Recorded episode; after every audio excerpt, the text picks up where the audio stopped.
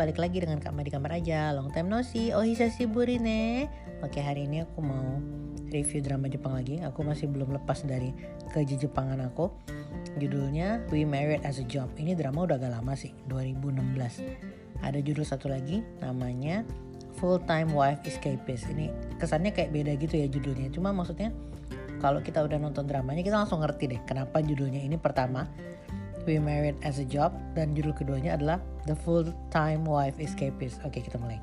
Jadi sebenarnya plotnya ini simple banget. Jadi plot simpelnya itu adalah uh, pemeran utama cewek yang kerja sambilan jadi kayak apa namanya pembantu rumah tangga di uh, tempat cowoknya dan akhirnya mereka nikah. Simpelnya kayak gitu kan, simple banget. Tapi sebenarnya ternyata nggak sesimpel itu. Menurut aku yang ngebikin drama ini jadi bagus dan ternyata terkenal juga itu karena detailsnya. Jadi plotnya itu bisa terlihat simple banget, terutama kayak kalau aku ngomongnya tadi kayak gitu kan. Tapi kalau kita masukin karakternya satu-satu, terus kita masukin settingnya satu-satu itu jadi jelas. Apalagi dengan tambahan karakter tambahannya, kayak apa namanya supporting roles-nya. Dan sebenarnya menurut aku di sini selain main roles-nya bagus, supporting roles-nya juga oke. Okay. Maksudnya uh, karakter-karakternya gitu. Lumayan unik juga. Oke jadi uh, cerita awalnya ini uh, pemeran utama cewek. Jadi diceritain waktu awal-awal episode 1 itu pemeran utama cewek ini namanya uh, Moriyama. Moriyama Mikuri umurnya 25 tahun. Dia ini uh, sudah lulus S1 S2 psikologi terapan gitu kan. Nah yang jadi masalah dari waktu dia lulus S1 sampai dia lulus S2 dia ini kesulitan nyari kerja jadi uh, aku nggak tahu sih settingnya kayak gimana di kondisi di Jepang sekarang tapi digambarkan bahwa sekarang tuh cari kerja tuh tambah sulit kayak gitu loh. Definisi cari kerja di sini untuk full timer ya bukan part timer atau apa baito baito gitu. Jadi kerja beneran. Kerja beneran yang full time job kantor gitu loh kerja kantoran. Nah jadi dia ini kesulitan cari kerja akhirnya di umur 25 tahun ini dia masih settling untuk kerja sambilan gitu loh. Jadi uh, temp work gitu loh kayak kerja kontrak karyawan kontrak. Nah terakhir ini diceritakan bahwa kerja kontraknya yang terakhir ini nggak diperpanjang. Jadi dia uh, apa namanya kebingungan lah mau cari kerja apa gitu kan. Nah terus uh, kebetulan bapaknya ini punya kayak partner kerja. Dia bilang uh, ada uh, orang teman kantor aku dia bukan bukan teman kantor sih kayak misalnya kenalan aku itu uh, butuh orang untuk uh, beres-beresnya rumah dibilang kayak gitu kan housekeeper. Jadi uh, si cewek ini nerima lah gitu. Sebenarnya aku agak mikir wah tapi dia untuk lulusan S2 mau ya kerja jadi housekeeper gitu. Yang mungkin di Jepang nggak ada masalah kali ya. Aku nggak tahu juga. Nah jadi uh, dimulailah plot. Awalnya kan aku pikir ah plotnya simple banget ini gitu kan. Jadi uh, ceweknya yang kerja di rumah cowoknya akhirnya mereka saling suka gitu. Ternyata itu nggak sesimpel itu sama sekali. Jadi si uh, Mikuri ini Moriyama Mikuri ini jadi dia uh, kerja sambilan di tempat cowoknya itu. Dan dia tuh tipenya yang rapi orangnya gitu kan. Dia orangnya rapi terus dia sebenarnya dia suka dengan kerjaannya. Kayak gitu. Jadi dia walaupun kerjaannya ini sebenarnya bayarannya nggak banyak terus misalnya uh, ya kalau mau dibilang fulfilling mungkin nggak terlalu fulfilling juga gitu kan apa untuk karir dia sesuai dengan pendidikannya. Tapi dia senang sama kerjaannya dan dia bilang bahwa ya kalau aku dapat kerja apa pun pekerjaannya aku akan berusaha yang terbaik sesuai dengan uh, apa namanya standarnya gitu. Jadi intinya dia profesional dalam pekerjaannya apa pun kayak gitu kan. Nah dia ketemu sama uh, bosnya ini namanya Hiramasa. Nah Hiramasa ini uh, karakternya tuh tipenya geek banget gitu loh. Jadi nerdy nerdy gimana kerja di perusahaan IT umurnya 36 tahun. Nah uh, karakternya dia ini tipe yang kaku terus orangnya tuh baik sopan respectful gitu ya cuma maksudnya kaku banget. Di sini karakter yang dicari untuk jadi uh, Hiramasa ini nggak ganteng pakai kacamata tebal gitu. Terus giki banget lah bajunya juga giki terus gaya rambutnya juga giki kayak gitu. Dan dia ini nggak pernah punya pacar. Gitu kan? Jadi uh, apa namanya pada saat mereka kerja bareng tuh nggak ada masalah sama sekali bener-bener kayak ya dia kayak berterima kasih karena kerjaannya Mikuri bagus gitu kan Mikuri juga seneng karena untuk pertama kalinya dia pekerjaan dia dia apresiasi karena selama ini kalau kayak dia kerja jadi temp apa namanya kerja kontrakan di kantor atau apa tuh kayak dia ngerasa bahwa dia tuh selalu ditolak gitu loh. Dia nyari kerja nggak pernah diterima terus dia kerja juga tidak diapresiasi karena orang lebih milih orang lain daripada dia gitu. Dan untuk pertama kalinya uh, dia ngerasa diapresiasi sama si apa namanya Hiramasa ini gitu. Karena Hiramasa tuh bahkan ngeh kalau dia tuh misalnya nih ya ngebersihin tempat-tempat yang sebenarnya nggak masuk di job desk dia gitu loh.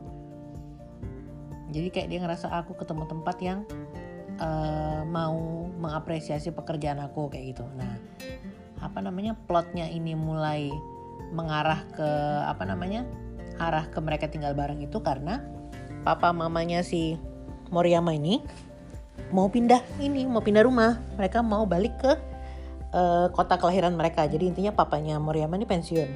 Mereka memutuskan untuk mau uh, balik kampung gitu tinggal pulang kampung. Mereka udah beli rumah katanya kayak gitu. Jadi dia mau pulang ke kampung. Kan posisinya Moriyama kan nggak ada kerjaan apa full time gitu kan. Jadi dia masih tinggal sama orang tuanya. Nah dia bingung gitu. Nanti kalau misalnya uh, mam papaku pulang ke kampung gitu nanti aku tinggal di mana gitu. Nah orang tuanya bilang ya udah kamu ikut kami aja dibilang itu kan. Nah yang memberatkan buat dia itu adalah ini pertama kalinya dia ketemu tempat kerja yang dia suka walaupun kerjanya itu adalah jadi housekeepernya si Hiramasa ini dan awalnya sebenarnya kerjaan dia ini cuma seminggu sekali di situ. Cuma dia menikmati kerjaan ini. Cuma masalahnya dia hitung-hitung dengan gaji dia sebagai housekeeper dia nggak bisa tinggal sendiri. Nah akhirnya dia nyari ide. Nah yang menawarkan ide bahwa uh, apa namanya mereka tinggal bareng itu adalah uh, Moriyamanya yang cewek. Jadi yang cewek itu semacam proposing di idea bahwa uh, boleh nggak aku tinggal sama kamu tapi aku kerja sama kamu? Bilang kayak gitu. Sebenarnya aku pikir kalau memang cuma mau kerja dan tinggal bareng kenapa harus nikah gitu kan? Ternyata kayaknya ada terkait apa masih kultur kali ya di Jepang gitu bahwa kalau misalnya mereka tinggal bareng tapi nggak nikah atau nggak ada urusan apa-apa apa kayak nggak ada relationship something something itu kayak dipertanyakan atau dipermasalahkan kayak gitu. Aku nggak ngerti sih sebenarnya. Terus uh, uh, si Moriyama ini bilang juga karena kalau misalnya mereka apa namanya uh, nikah terus Moriyama dapat kayak full time job gitu kan untuk beres-beres dia hitung hitungan pokoknya mereka kayak hitung hitungan banget gitu. Secara hitung hitungan jatuhnya lebih murah gitu.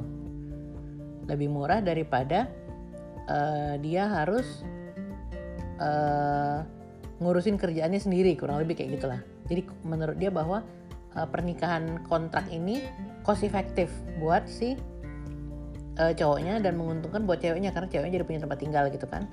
Nah lagi-lagi aku lagi mikir terus kenapa nggak ngekos aja? Ya karena mungkin kalau di Jepang ngekos mahal kali ya. Atau kenapa nggak ya ngekos di tempat cowoknya aja dia bayar sewa atau apa gitu kan. Atau nggak usah bayar sewa jadi dia kerja tapi harganya lebih murah gitu ya nggak tahu lah itu mungkin plot yang dipilih akhirnya mereka jadi kayak nikah yang tahu mereka itu nikahnya nggak bener-bener cuma siapa ya? Awalnya kayaknya nggak ada sih. Jadi intinya uh, mama papanya si Moriyama taunya uh, mereka bakal nikah. Terus uh, tantenya juga taunya mereka bakal nikah. Oh ya tantenya Moriyama ini jadi jadi salah satu supporting karakter juga di drama ini nah teman-teman kerjanya Hiramasa juga taunya mereka nikah gitu. Kayaknya juga ada semacam apa? Ada semacam uh, apa? Benefit kayaknya kalau misalnya uh, di kantor itu uh, dia punya tanggungan gitu kerja gitu kan. Jadi uh, itu menguntungkan juga ternyata untuk pemeran utama cowoknya bahwa uh, si apa namanya uh, keberada kenyataan bahwa dia itu punya apa namanya punya istri itu bisa kayak lebih memantapkan pekerjaan dia kurang lebih kayak gitulah. Sejujur aku lagi-lagi nggak terlalu ngerti tapi it is what it is. Jadi habis itu uh, akhirnya mereka nikah tapi belum ini belum masukin surat-surat gitu loh. Jadi kayak cuma nikah terus dilaporkan mereka menikah aja di kantor gitu kan. Tapi nggak ini nggak masuk ke registrasi. Jadi kayak namanya nggak berubah gitu kan. Nah terus pada saat interaksi mereka uh, kerja bareng itu sebenarnya yang udah kelihatan suka duluan itu Hiramasa. Kalau dari plot dramanya. Cuma karena Hiramasa ini kan nggak punya pengalaman sama cewek jadi dia eh, nggak uh, tahu harus kayak gimana. Dan karena dia juga kayak minderan gitu kan dia self esteemnya rendah. Jadi dia ngerasa bahwa nggak mungkin lah cewek ini mau sama aku gitu. Terus dia juga mikir kayak uh, apa namanya eh, nggak uh, boleh mikirin kayak gitu harus fokus. Dan dia tuh kan orangnya kaku banget jadi uh, dia ngerasa dia mikirin kayak uh, apa namanya hal-hal yang kayak suka aja sama dia tuh kayak sudah melanggar uh, kontrak antara bos sama anak buah kayak gitu loh. Jadi kayak uh, ini apakah aku kayak gini nih sexual harassment dia bilang kayak gitu lah bener-bener. Apa ya giki banget lucu gitu. Jadi yang bolak-balik uh, mengapproach itu malah yang ceweknya si Moriyama. Jadi Moriyama ini kan tadi dia lulusan psikologi kan jadi memang dia eloquent ngomongnya eloquent terus dia pinter apa bisa menjelaskan apa yang dia mau apa yang dia maksud kayak gitu. Dan dia orangnya kayak straightforward gitu. Sedangkan si apa Hiramasa nih ya gitu pemalu terus dia nggak punya pengalaman sama cewek kayak gitu kan. Jadi bener-bener yang ya gitulah maju mundur maju mundur. Nggak banyakkan majunya sih banyakkan mundurnya sebenarnya gitu. Nah terus juga ada tentu saja bumbu-bumbu cintanya adalah si uh, Hiramasa nih ini cemburu kayak gitu karena salah satu teman kantor dia yang namanya Kazami kan ganteng kan? Dia apa karakter terkenal lah. Ini salah satu supporting role-nya. Si Kazami ini uh, kenalan sama Moriyama. Jadi intinya teman kantornya Hiramasa ini kenalan kan sama uh, Moriyama. Termasuklah salah satunya Kazami. Terus Kazami ini uh, secara nggak sengaja tahu rahasia mereka. Kalau mereka ini kontrak bukan apa namanya bukan nikah beneran gitu. Terus dia bilang apa namanya aku boleh nggak sharing uh, Moriyama sama kamu? Dia bilang gitu kan. Ternyata si Kazami ini tipe cowok yang nggak mau nikah. Jadi intinya dia tuh nggak mau nikah tapi mau ada orang yang bantu bantuin dia gitu. Jadi kayak intinya convenient convenient banget. Dan dia ngerasa bahwa hubungan antara Hiramasa sama uh, Mikuri ini ideal banget gitu loh apa namanya di atas kertas kalian nikah tapi apa namanya sebenarnya nggak harus tanggung jawab satu sama lain gitu dan nggak pakai acara ekses apa namanya drama-drama yang nggak penting kayak gitu. Nah sebenarnya waktu itu si Hiramasa tuh udah cemburu tapi dia nggak bisa menjelaskannya dengan uh, Mikuri soalnya dia juga mikir aku kan nggak punya hak buat ngelarang dia kerja kayak gitu. Jadi tentu saja si cupu ini pas ditanya dia bilang ya udah nggak apa-apa kalau kamu mau ambil kerja sambilan nggak apa-apa soalnya kita nggak ada perjanjian mengenai kerja sambilan sumpah nggak sih? Ya ampun ya orang. Nah akhirnya ya karena kebetulan juga si Mikurin lagi butuh duit jadi dia waktu itu kebetulan sakit gigi kan dia butuh duit buat pasang apakah aku lupa pokoknya nambel up gigi atau kayak gimana. Soalnya kan asuransi gigi tuh nggak di cover asuransi dasar kayaknya gitu kalau di Jepang. Nah jadi dia nerima kerjaan tambahan dari Kazami. Kan dia kerja di Hiramasa itu perjanjiannya itu kan weekdays. Nah jadi dia eh, apa namanya kerja di Kazami itu beberapa hari weekends atau uh, dia kayak bagi jam gitu loh. Jadi kayak uh, dia uh, bersihin sama masak makanan uh, tempat Kazami. Abis itu baru pulang ke tempat Hiramasa juga. Jadi intinya kalau Hiramasa bilang selama gak ganggu jam kerja yang di rumah sih nggak masalah kayak gitu lah. Awalnya kan dia kayak masih ya itulah apa jelas-jelas nggak jelas. Tapi jadi uh, respon dari jelas-jelas nggak jelas tuh dia jadi jadi kayak apa closing up gitu loh. Jadi dia kayak diem nggak mau ngajak ngobrol nggak mau apa-apa. Pokoknya jadi prickly banget. Terus apa kayak ngomongnya pendek-pendek. Terus kalau misalnya si Mikuri mau cerita tentang kerjaan dia di tempat lain dia nggak mau dibilang kayak itu uh, aku nggak mau dengar apa yang kamu kerjain di sana dibilang itu dan kamu juga nggak usah ngomongin tentang kerjaan kamu di sana eh, di sini ya sama dia dibilang kayak gitulah. Jadi awalnya si Moriaman yang mikir apa Mikuri ini mikir apa ini apa dia nih dia belum kepikiran jelas sama sekali. Dia cuma mikir kayak uh, apa dia nih ini ya katanya apa namanya nggak uh, mau privasi dia terganggu ya kayak gitu kayak gitulah. Dan akhirnya setelah berapa episode itu uh, kayaknya Mikuri juga udah suka kan. Tapi pada saat itu uh, Mikuri itu masih agak aku sebenarnya bingung alasan Mikuri untuk uh, kenapa tiba-tiba proposing itu ya. Jadi proposing keduanya kan pertama kali Mikuri yang nawarin apa namanya uh, nikah untuk kebutuhan pekerjaan kan. Nah yang kedua kalinya Mikuri ini nawarin membuat mereka kayak semacam pacaran gitu. Jadi ada kayak koibito mode-nya. Jadi relationship mode. Ya kan jadi intinya uh, si Mikuri bilang aku pengen punya pacar tapi kalau misalnya dari kontrak kita ya satu-satunya orang yang eligible untuk jadi pacar aku itu cuma Hiramasa dia bilang kayak gitu. Sebenarnya lagi-lagi aku mikir ini absurd banget logikanya tapi ya apparently logikanya Mikuri itu masuk-masuk aja buat Hiramasa kayak gitu kan. Jadi uh, akhirnya mereka kayak uh, ada semacam satu hari yang mereka tentukan sebagai skinship day. Jadi kayak relationship day-nya itu hug day. Itu hari Selasa. Jadi kalau hari Selasa itu mereka kayak semacam diizinkan untuk berskinship. Jadi paling tapi skinship mereka tuh kayak direncanakan itu uh, dipeluk atau apa puk-puk kepala atau kayak nonton film bareng kayak gitu jadi semacam yang kayak gitu. Nah uh, sebenarnya Mikuri itu meng, uh, apa namanya mengajukan penawaran ini nih juga karena ya kan kadang-kadang kita kita kan tinggal bareng dia bilang gitu. Tapi kalau pas aku kerja kayak gini kita jadi kayak sulit ngobrol atau apa. Sedangkan komunikasi ini penting dia bilang. Kan ada saatnya kalau pas lagi capek kerja atau apa itu kan pengen dipuk-puk bilang kayak gitulah. Jadi kira-kira seperti itu. Jadi uh, akhirnya mereka punya hari Selasa bareng gitu hug day tapi lagi-lagi setiap kali hug day itu yang yang selalu mengingatkan hari ini Selasa loh itu Mikuri jadi kayak si cowoknya tuh masih kayak nggak yakin kayak gitu kan. Jadi benar-benar takut takut takut takut gitu. Nah terus muncullah trigger berikutnya. Trigger berikutnya adalah tantenya si Mikuri yang aku bilang salah satu supporting role itu kayak meragukan mereka ini nikah beneran gak sih? Gitu. Soalnya kan sangat nggak romantis kayak gitu. Kaku nggak romantis terus nggak kelihatan gesture-gesternya gitu. Nah jadi mereka memanfaatkan si hari Selasa hug day itu untuk membuktikan sama si tantenya kalau mereka ini bener-bener nikah kayak gitu. Ya mereka apa namanya akhirnya kayak uh, sengaja bikin skenario gimana caranya supaya pas mereka lagi apa namanya uh, pelukan atau misalnya pas mereka lagi ngobrol akrab menunjukkan affectionate itu tantenya lihat kayak gitulah kira-kira. Sampai akhirnya uh, tantenya itu seneng apa ngelihat wah di mereka ini benar-benar akrab loh romantis loh. Sampai akhirnya tantenya ngasih mereka tiket uh, buat ke sauna gitu. Apa bukan bukan ke sauna ke apa namanya itu? Onsen ke onsen bareng gitu. Tapi di onsen pun tidak ada kemajuan apa-apa saudara-saudara. Ya ampun gemesnya luar biasa. Tapi sebenarnya kalau dibilang nggak ada kemajuan ya minimal adalah kemajuan. Jadi mereka kayak lebih uh, akrab ngobrol kayak gitulah ya. Nah habis itu uh, ntar lu mereka akhirnya pacaran kan ada hari Selasa bareng-bareng kayak gitu.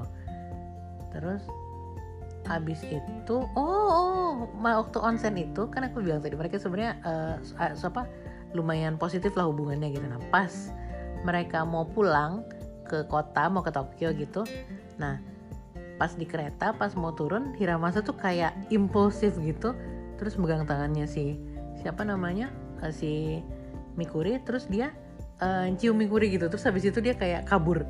Kabur literally kabur. Jadi setiap kali uh, apa namanya mereka mau ngomong sesuatu terkait itu dia langsung kabur. Dia langsung pergi dia langsung pergi gitu. Terus uh, itu berapa hari ya? Aku lupa dicerita itu berapa hari. Terus akhirnya dia uh, apa? Dia tetap gak bahas sampai ujung. Sampai akhirnya yang nanya Mikuri. Jadi Mikuri itu kirim chat dia nanya. Terus kayak kenapa kamu cium aku kemarin itu? Dia bilang gitu kan. Terus si Hiramasanya langsung minta maaf dia bilang gitu kan. Uh, apa nah, intinya balik lagi dia dia bilang apakah ini termasuk apa namanya uh, seksual harassment? Dia bilang itu aku minta maaf gini gini terus dia mikirnya bilang kamu nggak perlu minta maaf. Dia bilang kan lagian juga kemarin itu kita pergi uh, pakai tiket itu kan dengan tujuan untuk honeymoon karena itu dikasih sama tante dengan apa dengan tujuan mereka pergi itu kan juga supaya tantenya nggak mikir kalau mereka itu nggak nikah beneran gitu loh jadi mereka beneran datang ke acara apa ke onsen itu terus makan bareng terus setiap apa mereka kirimin foto-foto ke tantenya supaya tantenya itu tenang gitu. Jadi si Mikuri bilang ini kan batasannya itu batasan personal dia bilang itu batasan kita pergi jalan-jalan itu bukan masalah kerjaan jadi kamu nggak perlu minta maaf dia bilang gitu kan. Nah terus sebenarnya kata-kata Mikuri itu sudah sangat positif sudah sangat baik kayak gitu. Akhirnya itu apa terbukalah hatinya Hiramasu tapi tentu saja hatinya Hiramasu itu terbukanya pelan-pelan banget. Jadi ya tentu saja. Mikurinya gemas kayak gitu. Jadi kayak Hiramasanya itu udah jadi uh, seneng baik dan dia kayak agak sedikit open gitu ya yang yang dulunya. Apa namanya? Kayak nggak inget uh, hari Selasa jadi lebih sering inget hari Selasa kayak gitu. Jadi lebih affectionate lah kurang lebih kayak gitu. Jadi lebih affectionate tapi ya gitu lebih affectionate tapi mentok. Dia nggak bisa masuk ke next stepnya lagi gitu. Dan tentu saja next stepnya lagi itu akhirnya dijalankan sama siapa? Sama Mikuri lagi. Jadi Mikuri lagi sampai bilang gitu apa? Waktu itu kan si aku lupa deh kata-kata pastinya apa tapi Hiramasa tuh kayak ngomong sesuatu yang manis banget kayak gitu kan. Terus si Mikuri bilang kamu jangan ngomong kayak gini lagi. Kalau kamu ngomong kayak gini lagi terus aku tambah suka sama kamu. Jadi kayak dia sampai kayak ngomong kayak itu sih kayak Hiramasa kayak kaget gitu. Karena Hiramasa nggak ngerasa bahwa bisa ada hari di mana Mikuri itu suka gitu loh sama dia. Jadi akhirnya lagi lagi-lagi jadi Mikuri yang nawarin buat nikah kontrak, Mikuri yang nawarin buat uh, mereka pacaran, terus Mikuri yang nawarin buat ada hug day, terus akhirnya Mikuri juga yang bilang suka duluan kayak gitu. Uh, akhirnya long story short uh, mereka uh, pacaran gitu. Tapi kan kebingungan ya apa namanya mereka sudah nikah tapi mereka pacaran juga gitu. Jadi uh, periode itu tuh adalah periode orang pacaran baru-baru banget gitu loh dan lagi-lagi ya si ini nih belum yang benar-benar bisa lepas dari insecure-nya gitu loh. Jadi bener-bener plotnya uh, drama ini nih antara cewek yang sangat argumentatif dan hobi ngomong sama cowok yang awkward kayak gitu. Dan gak punya pengalaman sama cewek. Jadi bener-bener ya ampun sejujurnya aku ada periode di mana aku frustasi sama Hiramasa ini ya ampun ini manusia kok ya gemes betul gitu. Dia itu sangat logis sampai ngeselin ya sebenarnya sama sih. Mikuri juga kayak gitu. Jadi Mikuri tuh kayak apa ya? Kayak yang tadi loh kayak misalnya uh, aku butuh aku pengen punya pacar dibilang. Tapi kalau mau ngikutin dengan syarat-syarat ini orang yang masuk di kategori di kontrak ini cuma Hiramasa doang. Tuh aku mikir ya ampun gimana caranya uh, aku bisa ngomong sesuatu kalimat kayak gitu gitu. Aku nggak kebayang sama sekali. Terus uh, juga masalah ada sih sebenarnya trouble-trouble. Mereka ini berantem lumayan ada juga gitu kan. Tapi maksudnya uh, menurut aku plotnya ini ujungnya arahnya positif sih jadi kayak kelihatannya itu adalah personal growthnya masing-masing jadi Mikuri ada personal growthnya terus Hiramasa ada personal growthnya gitu kan Oke, jadi kira-kira plotnya kayak gitu. Aku nggak mungkin lebih lanjut lagi karena ini sudah terlalu banyak spoilernya. Lebih spoiler dari ini sama aja aku menyuruh kalian untuk tidak menonton. Oke, uh, itu plot pasangan utamanya. Jadi ini ada beberapa supporting role. Jadi sebenarnya ada sekitar dua pasang, dua pasang ish. Jadi sebenarnya bisa dibilang dua pasang atau tiga pasang ya. Jadi yang ada uh, pasangan kedua ini yang tadi aku bilang Kazami sama tantenya. Jadi tantenya ini uh, umurnya 40-an tahun hampir 50 tahun gitu sedangkan Kazami ini seumuran sama Hiramasa 30-an gitu kan jadi uh, apa namanya mereka kayak sebenarnya nyampe pacaran gak sih? Ini ujungnya sih akhirnya sampai pacaran. Tapi pas awal itu kayak tarik-tarikan. Soalnya ceweknya apa cowoknya tertarik sama ceweknya. Ceweknya juga sebenarnya tertarik tapi dia mikir kayak umur aku ini jauh lebih tua gitu loh. Jadi dia kayak dia menarik diri duluan gitu loh. Kayak gitulah kurang lebih uh, interaksi interaksinya lumayan menyenangkan sih. Cuma ya kayak gitu. Uh, karena ini bener-bener heavy on the main leads jadi memang uh, karakter tambahan ini bener-bener karakter tambahan kurang lebih kayak gitu. Oke? Okay? jadi mungkin plotnya itu dulu sudah sangat lengkap sekali tadi itu ini ternyata aku baru tahu bahwa pas 2016 ini terkenal banget ratingnya sekitar 14,5% dan rating episode terakhirnya itu 20%. Kenapa aku nyebut persen-persen? Karena ini lagi depan muka aku. Aku sampai buka Asian Wiki untuk ngedouble check data-datanya. Nah, untuk pairing favorit tentu saja aku suka mereka berdua. Karakternya lucu banget. Jadi interaksi mereka tuh gimana ya? Gemes gitu loh. Jadi uh, apa namanya? Yang bikin ini nih refreshing itu karena pertama Mikurinya sangat straightforward, tapi straightforwardnya tuh straightforward logi logika gitu loh. Straightforward logic yang cerdas dan bukan arah yang apa namanya mini-mini atau straightforward yang kayak di apa namanya kan beda-beda ya gaya straightforwardnya cewek gitu kan kalau di drama-drama.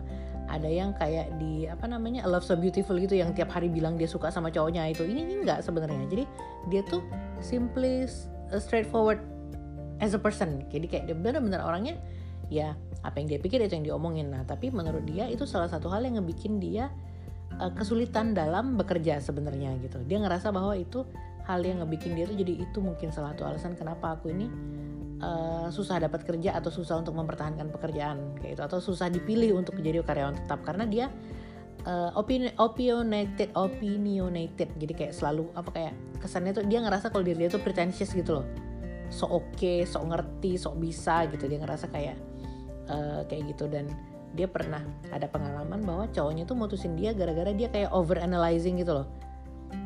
Jadi misalnya cowoknya lagi sedih atau lagi apa terus dia kayak menyemangati tapi dengan dengan apa argumentasi-argumentasi logis gitu loh. Jadi kayak kesel cowoknya. Jadi kok oh, aku ini lagi kesel ah, lagi sedih atau diapain tuh? Maksudnya di di sema apa? Di dipuk-puk aja dulu nggak usah dikasih saran-saran yang macam-macam kayak gitu. Jadi kayak intinya dia tuh sangat logis sampai kadang-kadang ngeselin. Jadi in a way in, in a certain way sebenarnya Mikuri sama Hiramasa ini mirip kayak gitu nah.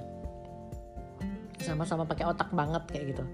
Nah jadi tapi aku juga suka cara komunikasi mereka. Jadi kayak walaupun sebenarnya ya beranteman ya komunikasinya. Jadi yang satu ini geek banget yang satu ini sangat ekstrovert banget gitu tapi akhirnya mereka kayak saling berusaha untuk menjelaskan satu sama lain. Terus juga aku ngerasa di sini banyak kayak apa isu-isu sosial yang muncul di Jepang sih kayak gitu.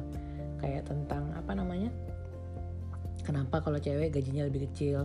Terus kenapa kalau uh, cewek untuk jajaran middle management atau top management kenapa sedikit gitu? Kenapa dibatasi? Seolah-olah dibatasi kayak gitu. jadi tidak ada kesetaraan antara laki-laki sama perempuan terus kenapa kalau nikah cewek harus ngambil nama belakang cowoknya? Kayak gitu kayak gitulah. Hal-hal yang kayak gitu. Terus juga sebenarnya ada salah satu pasangan yang apa gay kan yang suka cowok sama cowok kayak gitu juga ada. Terus banyak banyak banyak hal-hal yang kayak diselipin di sini gitu kayak tentang masalah-masalah sosial di Jepang kayak gitu.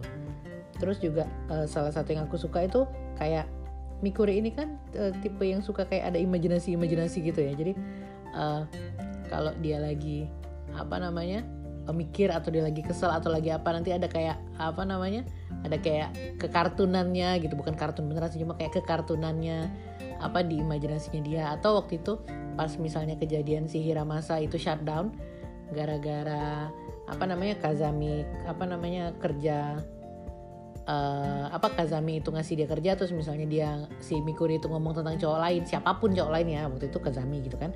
Terus dia kan langsung yang kayak shutdownan bete itu. Nah terus si uh, Mikuri itu langsung menjelaskan ke kita ke ke penonton kayak tentang Hiramasa ini kan orang dengan self esteem yang rendah jadi dia ini kalau setiap kali ada omongan dikit aja tentang cowok apa pun dia tuh langsung kayak building wall gitu. Nah itu tuh kayak dibikin animasinya penjelasan itu. Jadi ada dimasukin juga kayak poin-poin psikologi uh, memanfaatkan latar belakang pendidikannya Mikuri gitu loh Nah sebenarnya itu salah satu yang, yang Mikuri ngerasa bahwa apakah karena aku nih sering analisis orang-orang ya jadi mereka ini kayak sebel kayak gitu.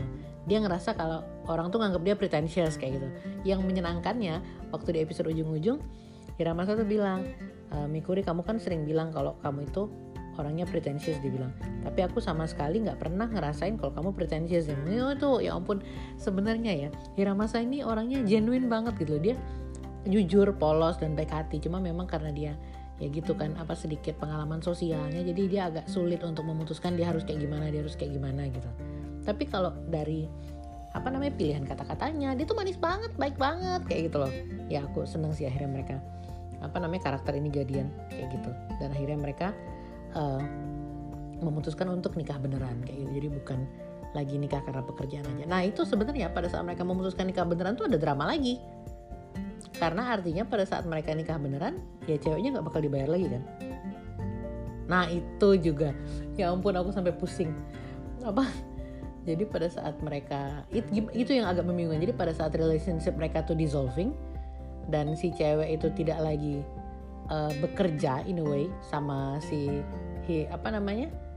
Hiramasa artinya kan jadinya dia uh, tidak perlu dibayar untuk servisnya karena jadinya dia jadi istri beneran itu kan itu kan semacam kalau housewife kan ya logikanya nggak dibayar kan. Nah itu jadi salah satu beranteman. Intinya dia bilang bukannya itu artinya apa namanya extorting ya jadi kayak semacam kerja apa kerja apa kerja tanpa bayar ya dia bilang kayak gitu. Dia bilang gitu. Apa namanya apakah itu artinya apa namanya menyuruh nyuruh kerja tanpa bayar dengan berda, berlandaskan emosi berdasarkan rasa cinta dia bilang kayak gitu kan. Aku sampai bingung ya kalau kayak gini gimana ya posisinya ya gitu kan. Uh, jadi dia itu dulu profesional house helper. Jadi bener-bener dulu dia tuh kayak pembantu rumah tangga profesional gitu loh. Tapi pada saat menikah uh, apa namanya ya dia jadinya nggak digaji lagi kayak gitu. Dan itu tuh jadi bahan beranteman buat mereka gitu. Aku mikir sebenarnya tapi kalau mereka memang sudah nikah ya artinya memang di satu sisi kalau menurut aku ya di satu sisi ceweknya jadinya memang ya nggak nggak bisa digaji lagi. Karena jatuhnya dia bukan lagi orang luar jadi bagian dari keluarga itu. Tapi memang jadinya karena dia nggak digaji lagi houseworknya harus dibagi gitu. Dikerjakan bersama-sama dan bukan sebagai kewajiban jadi itu agak membingungkan sih walaupun akhirnya mereka kayaknya sudah dapat uh, tengah-tengahnya ya pokoknya ya, eh, jalan tengahnya untuk pas akhir-akhir episode gitu. Itu sebenarnya sesuatu yang, yang yang dipikirin juga. Jadi kayak housework itu kan kerjaan berat gitu loh. Dan kalau misalnya sudah banyak banget penelitian bahwa housework itu kalau misalnya kerjaan ibu rumah tangga itu kalau diduitin itu tuh gede banget loh nominalnya gitu. Makanya sebenarnya housework itu nggak bisa dibilang sebagai tidak bekerja karena itu tuh adalah paid apa namanya uh, unpaid work kayak gitu. Mereka kerja uh, secara maksimal di rumah tangga supaya apa? Supaya salah satu anggota keluarga itu bisa kerja maksimal di luar kayak gitu. Jadi sebenarnya a part of penghasilan dari orang yang kerja di luar itu juga dikontribusikan karena mereka nggak harus kerja housework apa pun sama sekali di rumah kayak gitu. Itu sebenarnya aku sampai mikirnya agak panjang sih masalah ini tapi itu adalah itu topik yang berbeda lagi karena ini ternyata sudah 30 menit. Oke. okay. Jadi tadi aku udah bilang karakter favorit pasangan favorit aku adalah pasangan mereka berdua. Oh iya news flash news flash. Mereka berdua pemeran utama cowok sama cewek ini nikah loh tahun ini uh, Yui Aragaki sama Gen Hoshino. Jadi pemerannya Mikuri sama pemerannya Hiramasa ini nikah beneran. Bulan Mei kemarin kalau nggak salah. Jadi aku tuh kayak pleasant surprise banget. Pas aku lagi nonton drama ini eh tiba-tiba pas aku google mereka nikah beneran gitu. Ya mungkin karena karakter ini sebagus itu sih jadi sampai jadi gitu ya ya. We're happy for them. Yay kayak gitu. Nah untuk nilai untuk review apa namanya poin rekomendasi aku oh sebelumnya poin nilai dulu. Menurut aku aku sangat menikmati nonton drama ini. Ini ringan tapi banyak pelajaran juga yang bisa didapat. Uh, terus nggak terlalu yang ngeselin ngeselin gitu nggak. Terus nggak ada kayak intrik-intrik selingkuh atau apa nggak ada juga. Jadi ini clean cut bersih menyenangkan membahagiakan kayak gitu. Jadi aku kasih nilai 8 jadi kalau kita lagi santai-santai pengen nonton sesuatu kayak gitu kan kita bisa uh, nonton drama ini. We Got Married as a Job judulnya. Uh, kak aku kasih nilai 8 untuk nilai dan untuk rekomendasi aku kasih 8 jadi pas gitu. Oke? Okay? uh, mungkin abis ini aku bakal nggak tahu ya mungkin habis ini definisi habis ini lah habis ini langsung atau habis ini berapa minggu lagi tergantung mood aku.